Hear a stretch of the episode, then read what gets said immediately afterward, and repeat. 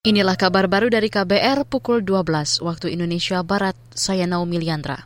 Menteri Agraria dan Tata Ruang Hadi Cahyanto menyatakan sertifikasi tempat ibadah tidak boleh diskriminatif. Hadi menegaskan prosesnya bakal ia kawal sehingga jika ada mafia tanah yang mengganggu akan ditindak tegas. Penyelesaian permasalahan tempat-tempat ibadah untuk disertifikatkan akan saya kawal. saya sampaikan kepada seluruh pejabat mulai dari pusat sampai daerah. Kita tidak boleh diskriminasi. Kita selesaikan semuanya tanpa terkecuali. Agar seluruh umat beragama bisa melaksanakan ibadahnya dengan khusus tanpa gangguan. Itu tadi Menteri Agraria dan Tata Ruang Hadi Cahyanto saat menandatangani nota kesepahaman dengan Gereja Masehi Advent ke-7 di Indonesia kemarin. Penandatanganan tersebut diklaim sebagai bagian dari komitmen menjaga aset tanah dan tempat ibadah milik seluruh umat beragama. Bekas Panglima TNI ini yakin permasalahan tanah untuk tempat ibadah rampung pada 2024.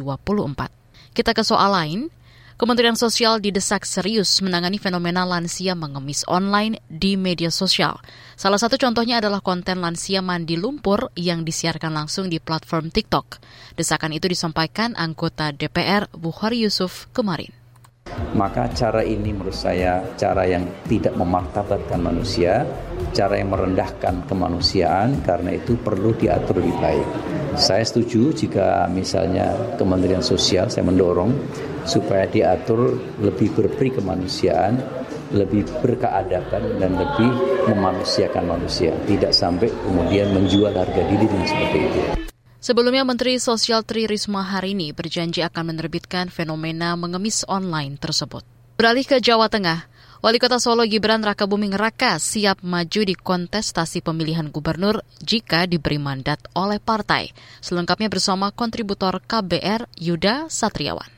Wali Kota Solo Gibran Raka Buming Raka menyatakan siap mencalonkan diri dalam pemilihan gubernur mendatang. Namun syaratnya jelas Gibran maju ke pilkada di level provinsi itu berdasarkan tugas rek atau rekomendasi maupun diusung partai politik. Saya siap kalau ada penugasan, bukan berarti terus aku mah nyagup loh, ya, itu. Wah.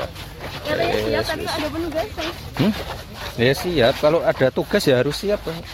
Tapi sejauh ini belum ya mas? Tapi bukan berarti saya punya ambisi, enggak. Saya tuh nunggu nunggu perintah gitu loh. Kan ya, nunggu perintah. Bukan berarti meh nyakup ya. Nyakup ya apa tuh. Lebih lanjut, Gibran tidak memperinci keinginannya maju di Pilgub DKI Jakarta atau Jawa Tengah maupun daerah lain. Dirinya hanya menegaskan menunggu instruksi dari partai politik. Selama ini, putra sulung Presiden Jokowi itu menjadi kader PDI Perjuangan. Dari Solo, Jawa Tengah, Yuda Satriawan, KBR. Demikian kabar baru KBR, saya Naomi Liandra.